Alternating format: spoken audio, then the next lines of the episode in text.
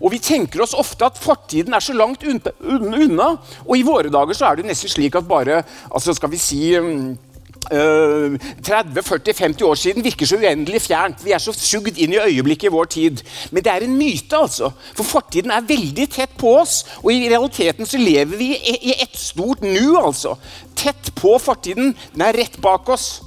I 1767 får keiserlig hoffastrodom i Wien, Maximilian Hell, en overraskende oppgave. Han skal reise så langt nord og så langt øst det er mulig å komme i den kjente verden for å observere Venuspassasjen. Det er en ferd på 5000 km under brutale forhold til klodens mest ugjestmilde sted, Vardø, med ett overordna mål for øyet å fastslå jordens avstand til sola. Vetle Lie Larsens nyeste roman har fått fantastiske anmeldelser, og i desember 2023 var han på plass foran et lydhørt publikum i fødebyen Stavanger. Det er veldig hyggelig å være her. Det er jo en glede å være i Stavanger, for jeg er jo født, født her. Og akkurat nå føler jeg meg mer som jeg skal dø her, for å si det rett ut.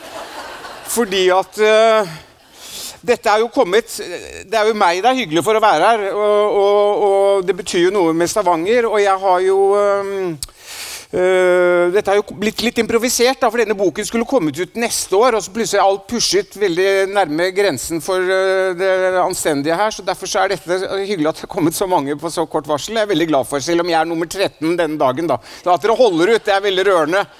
Uh, det, er, jeg, det, er, noen som har sagt, og jeg lurer alltid på hvem som har sagt det, for det er godt sagt. Og jeg har tenkt over det nå i sted, og jeg, jeg har kommet frem til at det egentlig er meg selv som har sagt det. Og det er at, at å først å lese en bok av en forfatter, øh, og så møte forfatteren, Det er som først å spise gåselever og så møte gåsa. Og det er som gåsa jeg står her, det kan jeg bare si dere med en gang. Og det er som gåsa jeg skal si disse få ordene her, her i dag. Og det er klart at, at uh, ting som dere antagelig vet, er jo å skrive en bok. Det er nå så sin sak. Og, og, jeg har satt det siste punktumet her bare for noen få uker siden. Så jeg er akkurat ferdig. Og så skal man da plutselig begynne å snakke om det man har skrevet. Og det er egentlig to vidt forskjellige ting. jeg må bare si det. Og jeg har tenkt at det er litt som å, gå til sengs med ekskona di åtte år etter skilsmissen. Alt er totalt over og forbi, men det er ufattelig hva som, som, som går, rett og slett. altså. Så, så um, jeg skal si veldig raskt, hvis dere bare er med meg først, på hva er liksom rammen for de stjernekyndige. Og det er rett og slett, For det første så er det basert på en, en sann historie, så det er liksom virkeligheten ligger i bunn her. I veldig høy grad, altså. Selv om jeg slipper meg litt løs. Øh, rett og slett. Men poenget er Året er 1769, og det er tidspunktet for den store, øh, berømte og sjeldne Venuspassasjen. Det er et astronomisk fenomen som inntreffer med veldig, stort sett med veldig lange mellomrom. og Det handler om at Venus passerer mellom jorden og solen, og så kan man se Venus som en liten skygge passere over solskiven. Og i 1769, ved å måle tidspunktet for denne passasjen over solskiven fra forskjellige steder i, i, i, i verden, så kunne man regne seg frem til jordens avstand til solen. Og det er et helt sentralt faktum, for da kan man finne jordens avstand til solen. Så vet man alle tallene og alt, hvordan alt henger sammen, alle avstandene. Man kan regne ut menneskets plass i kosmoset, rett og slett. Så dette tallet er de på jakt etter i 1769. Og det er første gang man har moderne teleskoper og instrumenter til å observere dette på en ordentlig måte. Så det er veldig viktig. En stor begivenhet. Og derfor så sender alle de, de, de største nasjonene ut ekspedisjoner i alle verdens retninger for å måle denne passasjen, som foregår den 3. juni 1769 i seks timer. De sender ut ekspedisjoner til hele verden eh, for å, å, å, å, observere denne og sammenholde resultatene etterpå. Og Det er veldig om å gjøre å være med på øh, liksom å være en nasjon som utruster sånne ekspedisjoner. Det er litt i dag som vi tenker på fotballag, og vi vil gjerne være med. og Vi har jo gitt opp dette med Norge, selvfølgelig, men vi vil jo gjerne være med. ikke sant? Og sånn ville jo alle landene. De ville gjerne være med, men det er bare ett lite land. Eh, for å si det som det står i Asterix, hvis dere har lest Asterix, langt mot nord, ikke sant? noe som aldri gir seg, men som er likevel et lite filleland, nemlig Norge, Danmark-Norge. De har verken menneskelig ekspertise eller teknologisk nivå til å foreta en sånn observasjon alene. Så det kongen av Danmark-Norge bestemmer seg for, rett og slett, det er at de leier inn mer eller mindre Europas mest berømte astronom. Fra Wien i Østerrike, den keiserlige hoffastronomen Maximilian Hell. Og så sender de han med en ungarsk assistent og av alle ting en kongepuddel. Og det, det, det, er, eh, det, skal vi snakke mer om etterpå. Fra Wien med 50 kasser teknologisk utstyr, kikkerter, barometere, sekstanter, temperaturmålere og 30 kasser god rødvin. Fra Østerrike, gjennom Tyskland, oppover i Danmark, over Øresund, videre oppover i Sverige, over Svinesund. Hvordan så det ut i 1769? Det skal vi komme tilbake til. Det var før Hø høna om Agda, for å si det slik. Men i hvert fall videre innover i Norge, forbi Kristiania, opp til Mjøsa, langs Mjøsa, over Dovre, hvor de nesten må skyve disse vognene. Det er et svært opptog på mange vogner. De kommer frem til Trondheim, og derfor skal de da seile videre nordover langs verdens mest brutale kyst, helt frem til Vardø det kjente Europas østligste og nordligste punkt, hvor det er midnattssol, hvor de da skal bygge et stjerneobservatorium og observere denne passasjen den 3. juni 1769. Disse to berømte astronomene. Og med seg på ferden har de da en, en, en, en mer eller mindre mislykket, mer eller mindre begavet nordmann, som jeg skal komme tilbake til han også, som er eh, blendende, men sjalu og ambisiøs. Og så øh, handler øh, denne fortellingen om hva som skjer, ikke bare på reisen gjennom Norge, men oppe i isødet der oppe.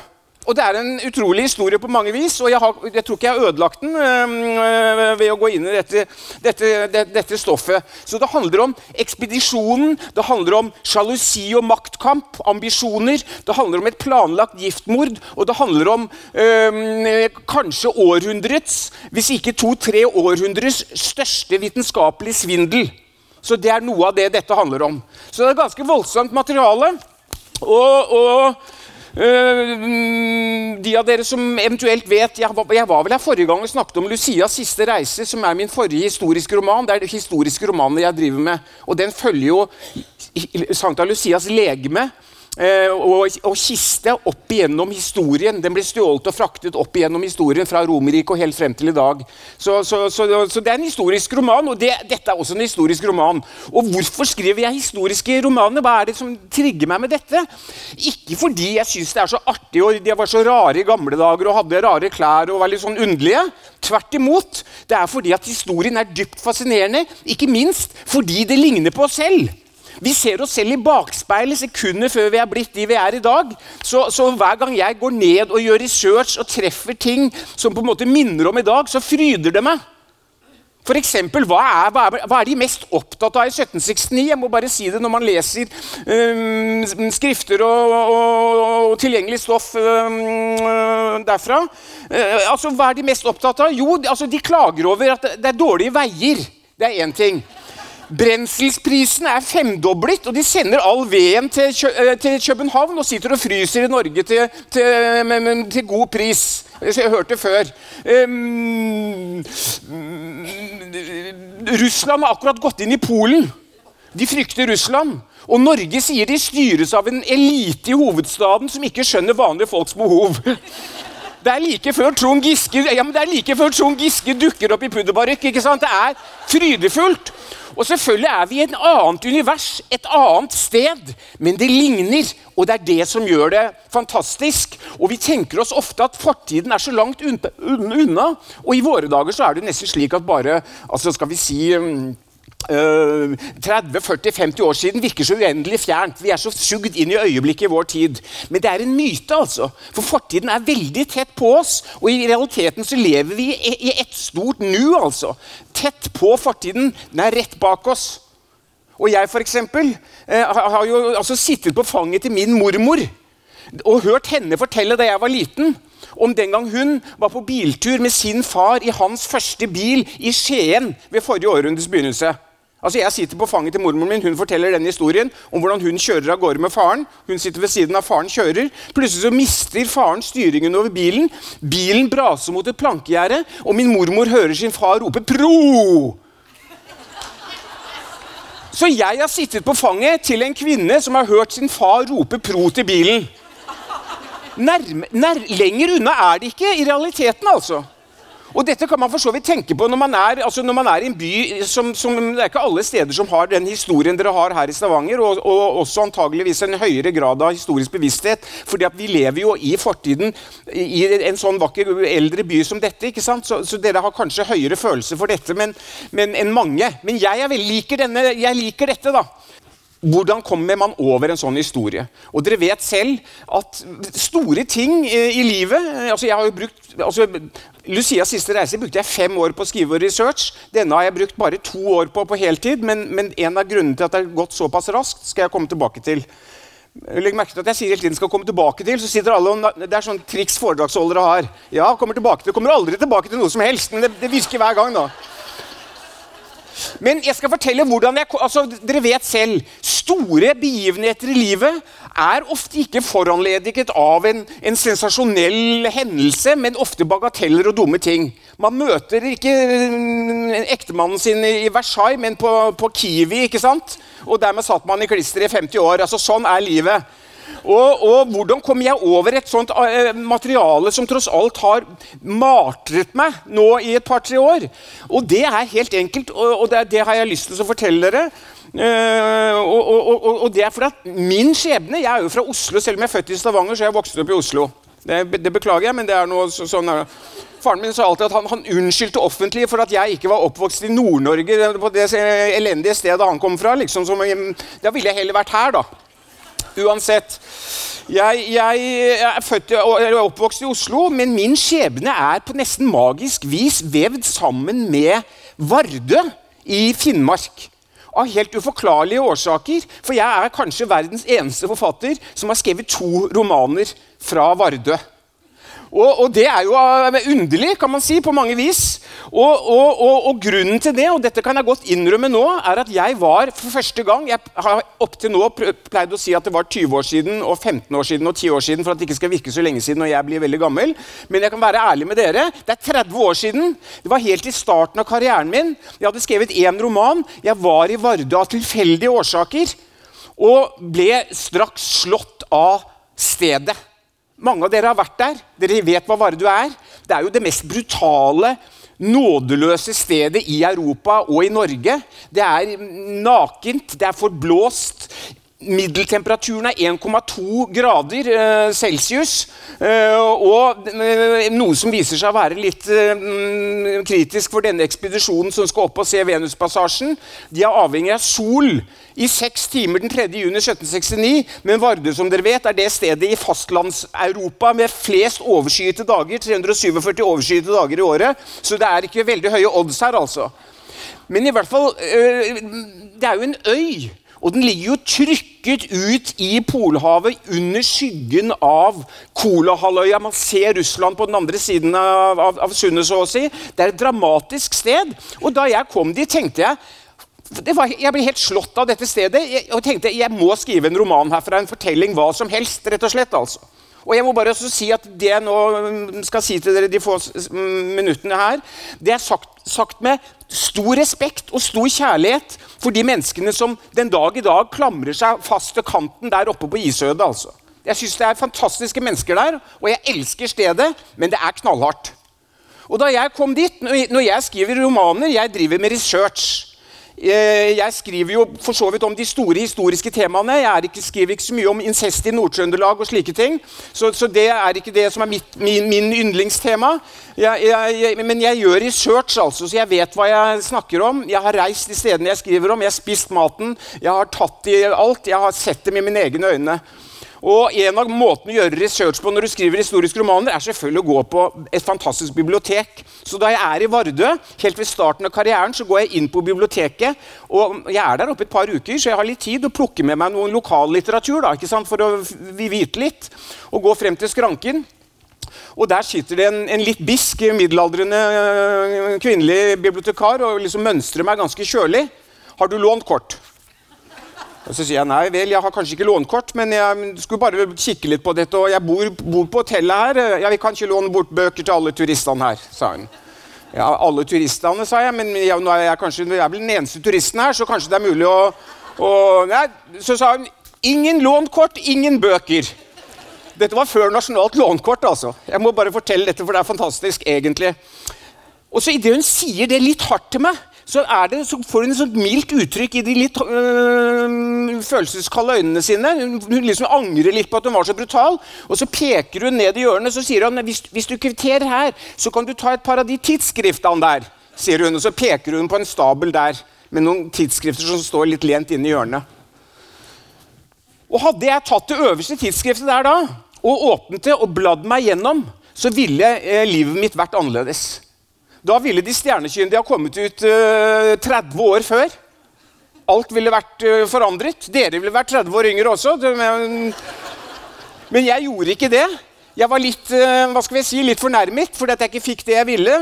Og så jeg gikk ut av biblioteket og så skrev jeg en annen roman fra Vardø isteden. Som heter, het da 'Kjærlighet for øya synker'. Den var ikke veldig vellykket, men den var ikke veldig mislykket heller. Om en ung mann som går og lider i Vardø.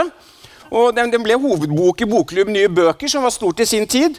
Og Seks år senere, jeg har bodd årevis i Italia, så kunne jeg gå inn i yndlingsbokhandelen min på um, Via Veneto i Roma, Libreria Mondadori, og plukke min bok ut eh, på italiensk fra hyllen der. Amore prima chiisola fondi.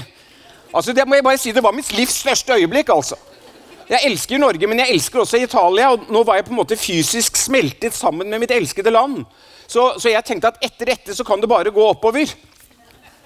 Men det kunne det ikke. Det gikk nedover. Og, og boken solgte åtte eksemplarer i Italia, og jeg kjøpte seks av dem selv, så det var ingen stor suksess.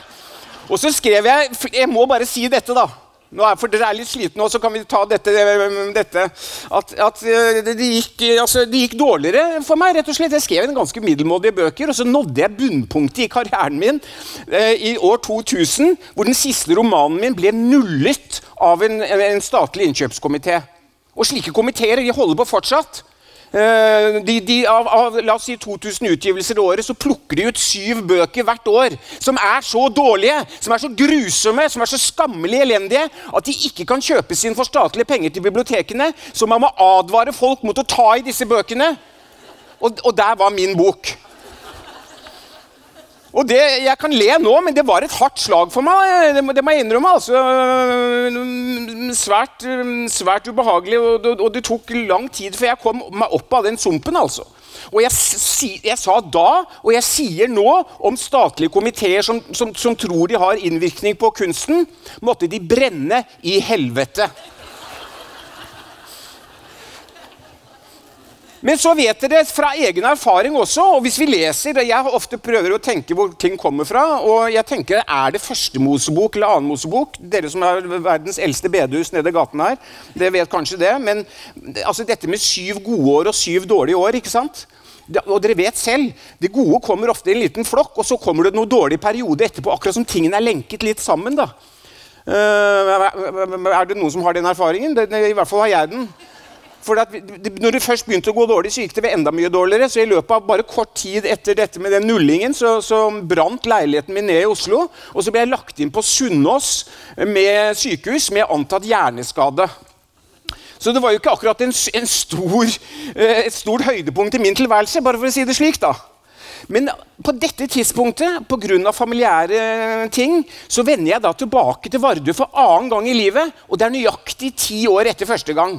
Og ikke liksom nesten ti år, men altså på uken ti år så kom jeg tilbake til Vardø.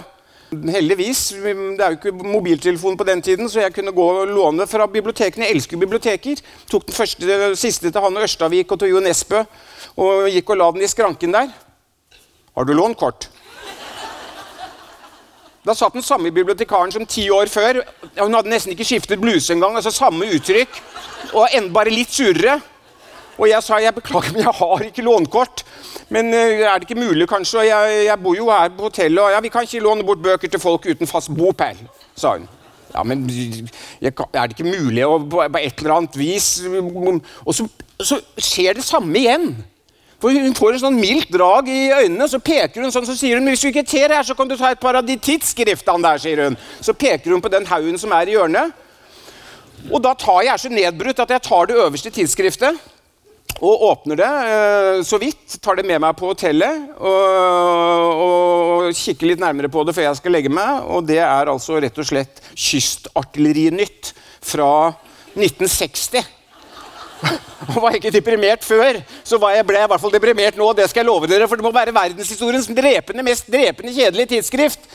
Men der, altså, på side jeg tror det var side 92, så faller blikket mitt på en artikkel av tidligere førstebibliotekar ved eh, Universitetsbiblioteket i Oslo, Helge Kragemo, som heter 'Maximilian Hells reise til Vardø i, i 1769'. Og Det er, seks-syv sider, og den er så bra historie at jeg må reise meg opp og gå rundt på det lille hotellrommet der. Den har på en måte drama, den har Norge, den har sjalusi, ambisjoner, den har vitenskapen mot Gud, den har eventyr, og, og, den har på en måte alle elementer. Og jeg bestemmer meg der og da for at denne historien må jeg bare skrive, rett og slett. Men så går det ti år til, altså.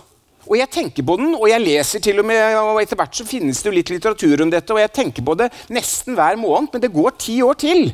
Og jeg skriver en rekke andre mer eller mindre, kanskje helst mindre vellykkede bøker. Inntil jeg da, og dette hadde ikke vært så morsomt hvis det ikke var sant, vender tilbake for tredje gang i mitt liv til Vardø. Og Denne gangen så er jeg med på et sånt NRK-cruise eh, med Hurtigruten på TV. Husker dere at Hurtigruten kjører sånn oppover? Og så kommer det på sånne D og F og Å-kjendiser på forskjellige mm, oppover som sier uinteressante ting. ikke sant? Dere satt sikkert og sov dere også foran det TV-programmet. Og jeg hadde det for så vidt bedre enn jeg hadde det forrige gang jeg var i Vardø. Det er akkurat ti år siden forrige gang. Jeg, men, men, egentlig så hadde jeg det ikke så veldig bra heller. Og, og, og for å være ærlig så tenkte jeg at livet ikke kunne bli verre. altså. Men det kunne det, fordi at i Tromsø så kommer Lars Monsen om bord. Og, og, han er jo en hyggelig fyr, men han sitter altså fra Skjervøy i Troms til Sør-Varanger, eh, eller til Varangerhalvøya. Så sitter jeg altså på dekket av Hurtigruten og hører han snakke uten stans, uten avbrudd, uten å trekke pusten én gang om flåttbittet sitt. Så når jeg går av da i, eh, i Vardø, så er jeg altså ikke bare føler jeg meg som en flått, men jeg ser ut som en flått. Og jeg glemmer bagen min og bøkene mine og alt. Og Det er tredje gang, altså. Men heldigvis så har vi våre kjære biblioteker, da, så jeg kan gå og plukke med meg jeg tror det var den siste til Erik Fossens Hansen, den beretninger om beskyttelse.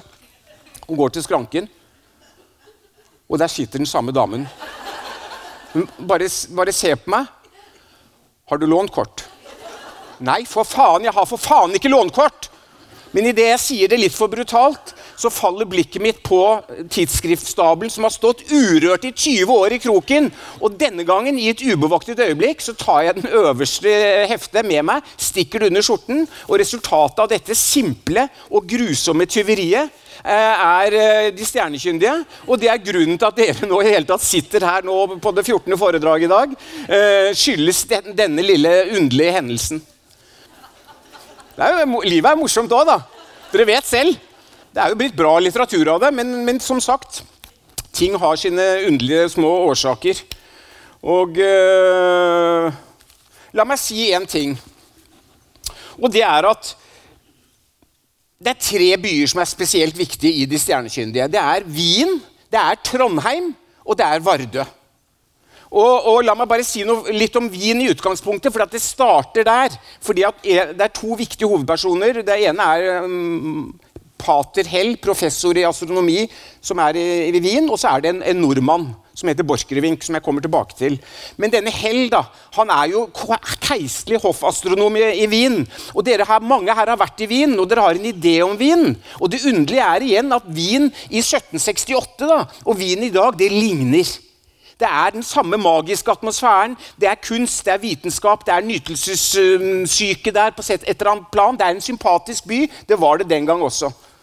Keiser Frans er akkurat død i 1765. Han grunnlegger det første virkelig store naturaliekabinettet, som er en samling med 30 000-40 000 steiner, fugleskjeletter, planter, vekster, tanglopper eh, Alt som kan krype og gå i den naturlige verden, skal nå inn i dette forgjengeren til våre museer. For vi er i opplysningstiden, og, og, og um, overleveringen, autoriteten, Bibelen er på vikende front. Og nå vil menneskene erfare, se verden, forstå alt ad empirisk vei, som det heter, og kartlegge. Så det er en voldsom sånn kartleggelsestrang. Og, og vin oser over av denne geskjeftige ånden. Og Samtidig er det et senter i et imperium Altså det habsburgske riket, ikke sant, som gikk under først i, før første verdenskrig. Uh, multikulturelt. Uh, Mozart er 14 år og går rundt på gaten uh, på dette tidspunktet. De største kunstsamlingene er allerede grunnlagt. Og, og, og byen er Mesmer, har dere hørt om han Mesmer? Altså en, en, en, en, av tidens store leger som behandler hysteriske kvinner ved å la dem svelge eh, jernspon. Og Så fører han etterpå magnetstaver over kroppene deres, og så flytter det jernsponene seg opp og ned i kroppen, og så blir kvinnene kurert for hysteri. Og Hvordan de har glemt denne edle kunnskapen, det skjønner jeg ikke. Det kunne jo, de kunne jo hatt bruk for det fortsatt. Og som dere vet, så, så, er også byen altså Hva gjør man i Wien? Jeg, jeg, jeg, er sikker på at i hvert fall 20% har vært der. Hva er det første man gjør i Wien? Jo, man går på konditori og spiser kake. ikke sant? Og jeg reiser jo til alle steder. Eh, de har jo Demil, Demil, Demil Hva heter det for noe? Sachertorte. Demil, eh, alle disse berømte konditoriene. Og jeg reiser jo alle steder og, og har lett i arkivene etter denne eh, historien for å fylle ut. Og jeg går jo også på konditori, og jeg går f.eks. på Kafé Sperl som er Hitlers gamle stamkafé for øvrig. Men, og en sånn nydelig, vakker plysjkafé hvor det sitter både eldre og yngre og, og, spiser og koser seg. Og midt i, da jeg var der nå for noen måneder siden, så sitter altså to satanister. Ekte satanister, altså. Og de med, med nagler oppi nesa og likbleke og lær og pentagrammer og hakekors og, og, virkelig ordentlig. Men de sitter hver på hver sin lille fløyelsstol og spiser uh, eplekake med krem med kniv og gaffel. Det er vins ånd. altså Selv satanistene blir eh, normalisert og innlemmet i den sivilisatoriske prosess. Dette er helt vidunderlig. Så det er ånden i byen. Og det var det. Slik er det nå, og slik var det den gang. Det, det må jeg tørre å fastslå. Og denne Hell, da, Maximilian Hell han er en blendende skikkelse. Han er et universalgeni. Han er en såkalt polyhistor som, som, som, rett og slett er professor ikke bare altså Han er jesuitt. Eh, men, men, han er professor i astronomi, teologi, historie, filosofi. Han er blendende. Han er mesterlig. Han er tredd yngst av en søskenflokk på 22 i den slovakiske delen av eh, Sånn var det før prevensjons... Vi skal være veldig mye som jeg sa forrige gang. Jeg fikk jo vite at grunnen til at jeg er her det sa faren min alltid. At det var fordi det var så veldig dårlig um, prevensjonsteknologi i Rogaland, sa han da han holdt på. Så altså, Det kan komme veldig mye bra ut av dårlig prevensjon. Altså. Det er jo alle vi her i felles om. Så, så, så, det er sagt. I hvert fall så er Hell yngst eller nest eller tredje yngst av 22 stykker, og alle jobber nede i grubene. Det er sånne ingeniørfamilie. De er lave maskiner og pumper opp vann i sølvgrubene øh, i den delen av riket. Men han er den første som kommer til faren sin og sier at 'jeg vil ikke ned i de grubene, jeg vil bli jesuitt', sier han. Og jesuittene vet dere hva er for noe i denne opplyste krets. ikke sant? Det er fortsatt den største munkeordenen i den katolske kirke. De har alltid vært veldig omstridte, for de har stått nær paven. Øh, og har vært soldatene som skulle på en måte få alle oss protestanter tilbake i den katolske fold. da, ikke sant? Så, så, så I 1768 så er det forbudt. Det er ikke bare forbudt for jesuitter i Norge, men det er dødsstraff for jesuitter i Norge. Så disse to astronomene ikke bare skal de inn i et, i et ganske vilt og uberegnelig fjerntliggende øde rike, men de må til og med reise i forkledning. altså. Så, så, det for, forvansker jo øh, hele posisjonen deres i utgangspunktet.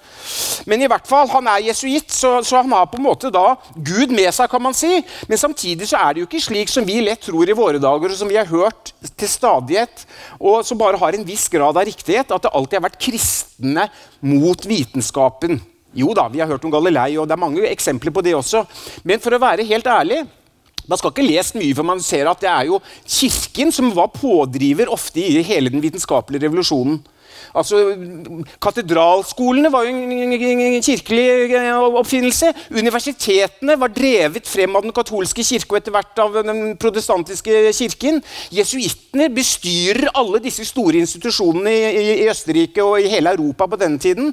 Og de, de, er, de konstruerer stjernekikkerter, instrumenter, de foreleser, de forsker i, i elektriske fenomener. De er i, i glitrende for, altså forelesere på høyt nivå. altså. Så, så det er på en måte jesuitten er med å pumpe frem hele denne vitenskapelige revolusjonen. Og det er så vidunderlig, for at på dette tidspunktet så altså, De både tror på Gud, og de tror på vitenskapen. Og I vår tid så har jo de skilt helt lag, sånn at, øh, og det er mange ting å si om det. Men, men, den tilværelsen i 1769 er nok mer fylt av en viss type magi. da. At Når de ser på liksom prekestolen, da, så ser de liksom ikke bare en haug med stein, men de ser på en måte et bevis på Guds skaperkraft. Så det er en magi, det er noe mer i tilværelsen enn erter, kjøtt og flesk. Det er ikke bare fysiologi. Og Det er jo en, i hvert fall en vidunderlig periode å skrive om. Jeg liker det veldig godt. Og man må også si at Flere moderne vitenskapsmenn har jo igjen kunnet begynne å tale om at det kan hende er en slags kraft bak alt som ikke vi kjenner. for å si det slik da. Så, så den, den, biten den har hell, og det gjør han kjempespennende. Han fører en indre dialog med seg selv, slik jeg selv har gjort det, og sikkert dere også, om ja, tro og viten. Gud og fakta. Hva, hva skal vi tro på, hva skal vi ikke tro på? Utrolig spennende, spør dere meg. da. Så han er blendende, han er suveren. Han er eh, litt skummel, selvfølgelig, fordi han er jesuitt. Og, og, som sagt, jesuittene er de som driver motreformasjonen fremover. Har dere vært i Roma? Har dere sett Berninis den hellige Teresas ekstase i Santa Maria delle Vittoria. altså Bernini, en stor billedhugger, har denne fantastiske marmorskulpturen av den hellige Teresa som ligger kastet bakover med kappen eh, delvis åpen, gjennomboret av Guds pil i hjertet og med et uttrykk i ansiktet som fikk den franske ambassadøren Leclerc, som var en kjent damebetvinger, til å utbryte at hvis dette er religiøs ekstase, så kjenner jeg den meget godt. Altså, De bruker alle virkemidler. Jesuitten er med på dette for å påvirke dere, dere stakkars protestanter tilbake til moderkirken. Så de finner opp barokken. ikke sant? Vridde søyler. Engler med bollekinn som henger utover himmelhvelvingen og blåser ned i trompeter. Det er rock'n'roll. Det skal påvirke sansene. Og de flinkeste til dette, både intellekt og sanser, det er jesuittene. Så da, ha, da har dere hell i et lite nøtteskall, altså. Han har bare ett stort problem i livet, og det er at han stort sett bare har sittet på et kontor i Wiens hovedstad og gått ned til sitt lille konditori og spist krementerten sin. Han har knapt nok reist. Jeg tror heller ikke han har vært om bord på et, en skute før. altså. Og ideen hans om Norge, den er ikke helt hva skal vi si, intakt, nærmest i forhold til hva Norge består av. Ikke minst er det ganske uh, friskt her oppe, som dere, dere, vet. Og det er ikke noe sjakktrekk engang å ha med seg en kongepuddel på en reise nordover. For en kongepuddel, det vet dere, en kongepuddel den har ikke pels, den har ett lag hår. Så bikkja begynner å fryse allerede i Hamburg. Så, så her er det overraskende ting som skjer. Så det er hell. En fantastisk skikkelse, det må jeg bare si. Rørende men også litt, eh, litt, faretruende. Og han plukker med seg en ungarsk assistent som heter Sainovics, som er atskillig yngre navn. Og som er tilsynelatende mild. Det er han ikke, han er beinar. Som er tilsynelatende raus. Det er han ikke, han er uh, gjerrig.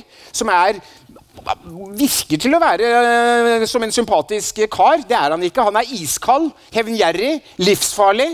Men han er blendende, han også. Blendende, altså. Og, og, og jeg, jeg, jeg, har liksom ikke planlagt dette foredraget, så jeg kan liksom ikke røpe handlingen der. Men jeg må jo bare si at denne Sainovic, som er assistenten, ikke sant? han blir jo valgt ut fordi han er hvordan velger man ut en assistent? Jo, Man skal ha en hyggelig fyr som er trofast. ikke sant? Og Han må jo ikke overgå liksom sjefen.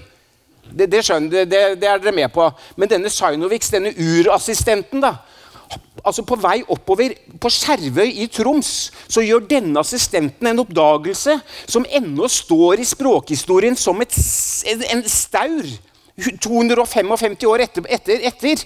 Og det er at Assistenten oppdager på Skjervøy i Troms, i Maursund, at ungarsk og samisk er det samme språket.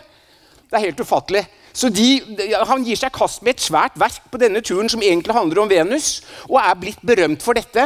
Og allerede på det tidspunktet på vei nordover mot det store målet, så merker nok Hell, altså sjefen, at han har fått en, en slange ved Om ikke sitt bryst, så i hvert fall ved sin knehase. altså. Så det ligger på en måte implisitt konflikter her som er ganske ubehagelige etter hvert. da.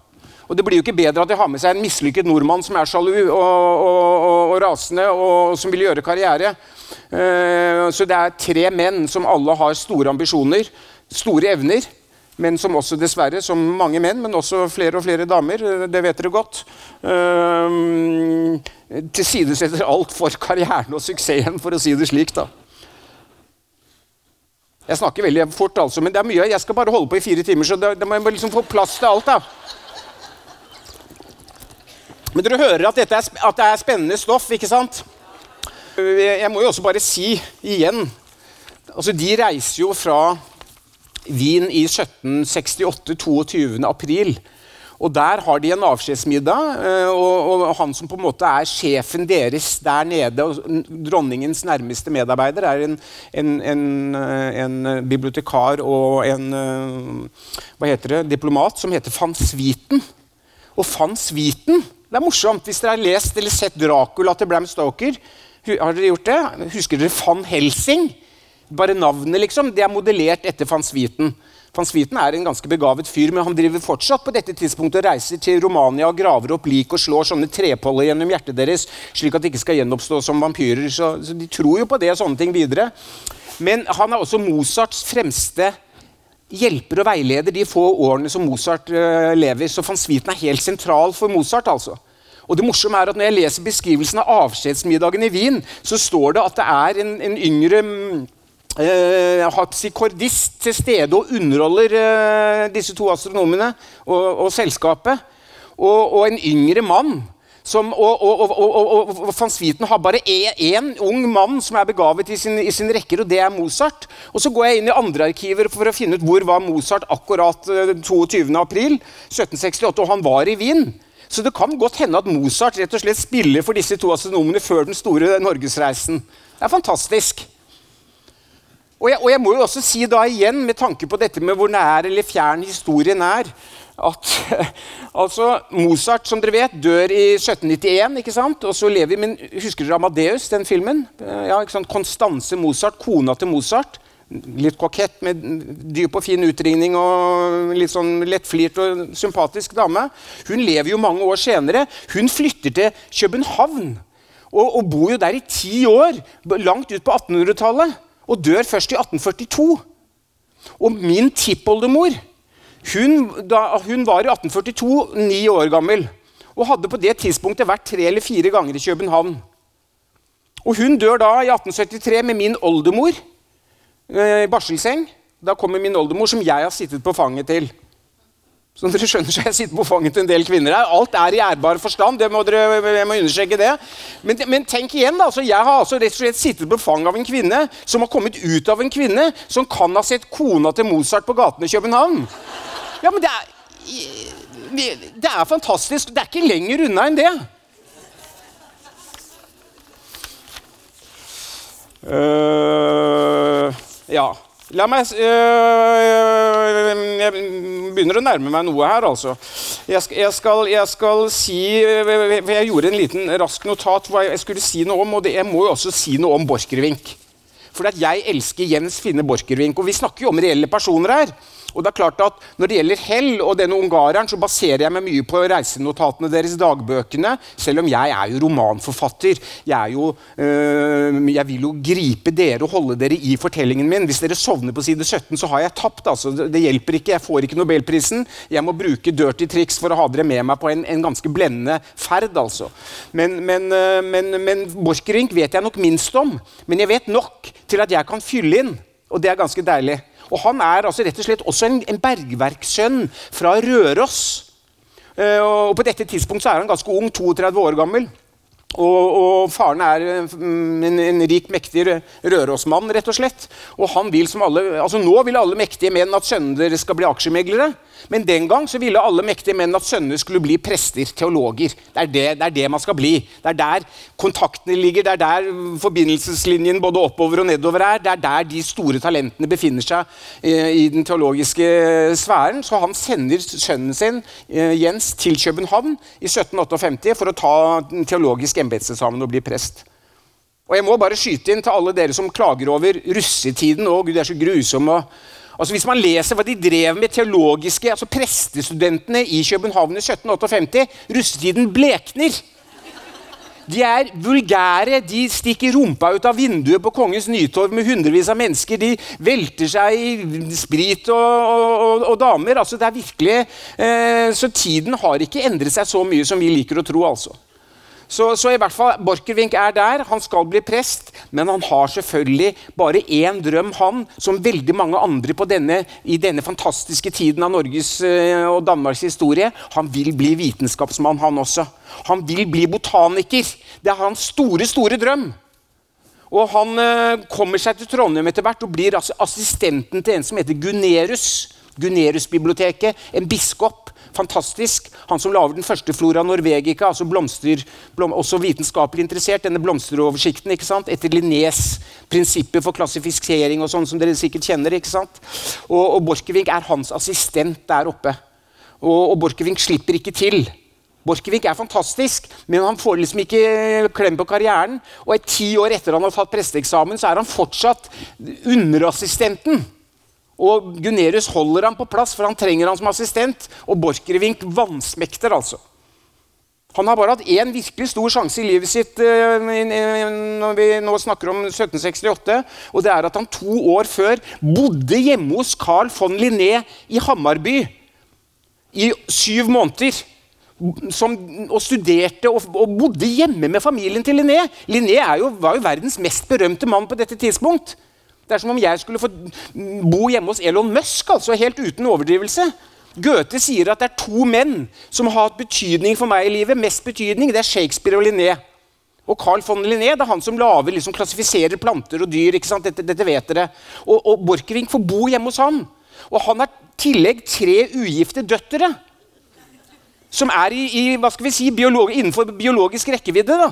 Og Du skal ikke være veldig stor romanforfatter for å skjønne hva en, en, en ambisiøs, um, rimelig viril ung mann tenker når han kommer hjem og ser tre genidøtre, um, ugifte alle sammen. Jeg husker selv da jeg, jeg kan jeg innrømme nå, for si det spøkefullt, men da jeg første gang så Regine Hamsun, altså oldebarnet til Hamsun, det er mange år siden Veldig flott. Øh, det er klart Jeg tenkte et lite øyeblikk jeg, at det jo, kunne jo teoretisk vært muligheter at jeg kunne blandet mitt blod her, og så ble det en liten Larsen Hamsun. liksom, ikke sant? At det er klart at Enhver en mann vil jo tenke slike tanker. Så det er ikke vanskelig å forestille seg hva som gikk gjennom Borchgrevink da han var der hjemme hos Linné, men det blir ikke til noe. Han kommer til Trondheim igjen, det går dårlig med karrieren, og så får han denne ene fantastiske, siste, store muligheten i livet sitt, og det er å bli med verdens mest berømte astronom hans ungarske assistent på denne reisen nordover til Vardø som den eneste lokalkjente, for han er lokalkjent, som tolk og som veiviser. Og Dermed så er han jo i en posisjon man, bare, man kan bare drømme om det. Så dette er hans store mulighet i livet. altså. Jeg må si noen ord helt til sist om Trondheim. Jeg skal lese, Nå er, vi, nå er det to, tre minutter igjen. Så er det en pause, og så har jeg bare seks timer igjen. så det går kjempefint. Dette. Nei, Jeg skal si helt til slutt, dere, bare, øh, Jeg vet at dere er en bereist og oppegående forsamling. Interesserte. Og, og, øh, Trondheim tok meg mange år å skjønne hvor fantastisk Trondheim er bare i dag. altså. Men Trondheim i 1768 altså Jeg tenkte kanskje jeg har sett for meg et, et, ikke et høl, men et, et sted med, med, ringere betydning. Men Trondheim i 1768 det er Norges senter i det vitenskapelige livet i Norge. Det, det kalles rett og slett Norges Aten. Det er Kongelige norske vitenskapers selskap grunnlegges der. Eh, Gunerius, Zoom, Skjønning. Eh, min tipp-tipp-tippoldefar Johan Nordahl Brun er der. Mm, store tanker om Norge eh, tenkes. Eh, den første floraen, som sagt, Flora norvegica, den, den, skapes jo av Gunerius, og han blir jo berømt for det. Samler alle norske planter, katalogiserer dem, tegner dem og blir jo berømmet for dette. I virkeligheten så er det jo Borchgrevink som gjør drittarbeidet. Sånn er det jo her i verden. ikke sant? Det er Borchgrevink som kravler og kryper og skjærer ned planter på fjelltopper og i dalbunner og har malaria og er syk og elendig, men også flink til å tegne. Så Borchgrevink Nå ringer det uh Nei. Borchgrevink er uh, Han tegner Dette er en, nyse, en nyserot, som er en, en, dødelig giftplante som er veldig sentral i handlingen, som bare finnes i Vardø. Og den er det Borchgrevink som, som, sannsynligvis er tegnet i Flora norvegica. Så det er ganske imponerende nivå, altså. Så når denne ekspedisjonen kommer dit, så kommer de til en by hvor du på det tidspunktet kan gå inn i åtte forskjellige mm, dagligvareforretninger i København og kjøpe fremragende bordeauxviner og gåselever i 1768. Så, så, så det er på en måte, og, og det er ikke én Rimi-Reitan da, som nå, men det er 50 Rimi-Reitaner som, som er like rike. Altså, Tenk dere dere har hørt om dem. Hornemann, Angel, eh, eh, Fridlib. Eh, alle disse store kjøpmannsfamiliene som bygger disse svære, lekre lystgårdene. Stiftsgården, Hornemann-gården, med vakre paneler og smijernsovner og gyldenlærsstoler. Og, og, og de er internasjonalt orienterte. Og da som nå så er det én ting som betyr aller mest for dem, og det er å finne en unnskyldning til å drikke. Sånn er jo trøndere, eh, det vet dere. Jeg har selv kjempet meg i vei eh, fra diverse tafler i, i, i Trondheim og hatt problemer med å finne både hotellet og veien tilbake til sivilisasjonen. Men, og den gang, når disse to astronomene kommer, de er i forkledning, men trøndere de, de er jo ikke rasister. De tar imot med glede hvem som helst. Så de inviterer disse astronomene til store tafler. Og, og de blir jo veldig populære, disse astronomene, så de må jo gå fra det ene taflet til det andre. Og de må jo drikke og spise og drikke og spise og spise og drikke, og de blir mer og mer og mer og mer slitne. Og, og, og trønderske drikkeskikker altså i 1768 det ligner jo på nåtiden. altså.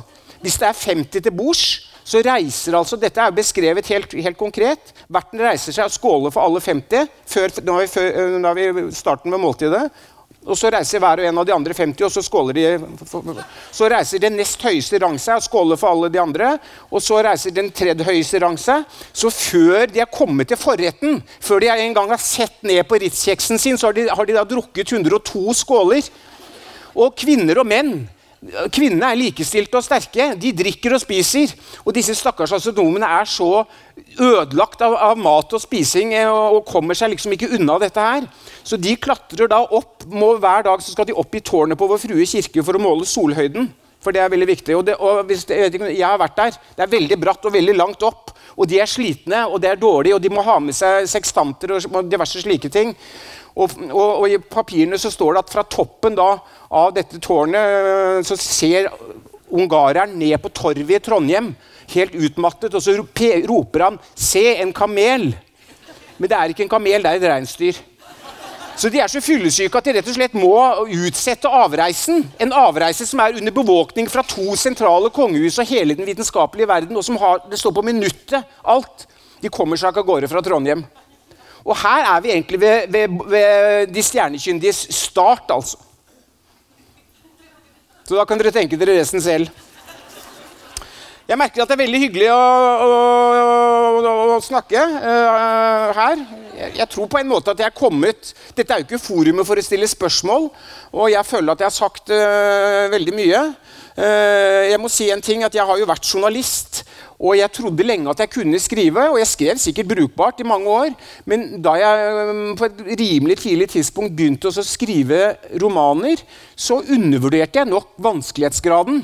For det handler jo ikke om språk. Og er det ett ord jeg misliker sterkt, så er det de litteraturekspertene som omtaler altså romaner som tekst. Det er det ordet man bruker nå. Tekst, tekst. Ja, det er ikke tekst. Det er fortelling. Og det å fortelle en fortelling, slik at du får leseren med deg, det, det har jeg, jeg har undervurdert. Det har tatt meg i hvert fall 25 år å, føle at jeg behersker det sånn noenlunde. Så nå, når jeg står med en, fot i graven, så, så, kommer liksom, så føler jeg at man oppnår noe her i livet. Men sånn er det kanskje å leve, og sånn er det kanskje for oss alle. ikke sant? At man, Livet er kort, men det er festlig, og det er herlig. Og det er veldig hyggelig å være i Stavanger. Og jeg har sagt jeg er født her. Jeg skal ikke dø her, jeg skal komme meg unna. Men jeg håper at jeg får komme en annen gang også, så tusen, tusen hjertelig takk for meg. Oi!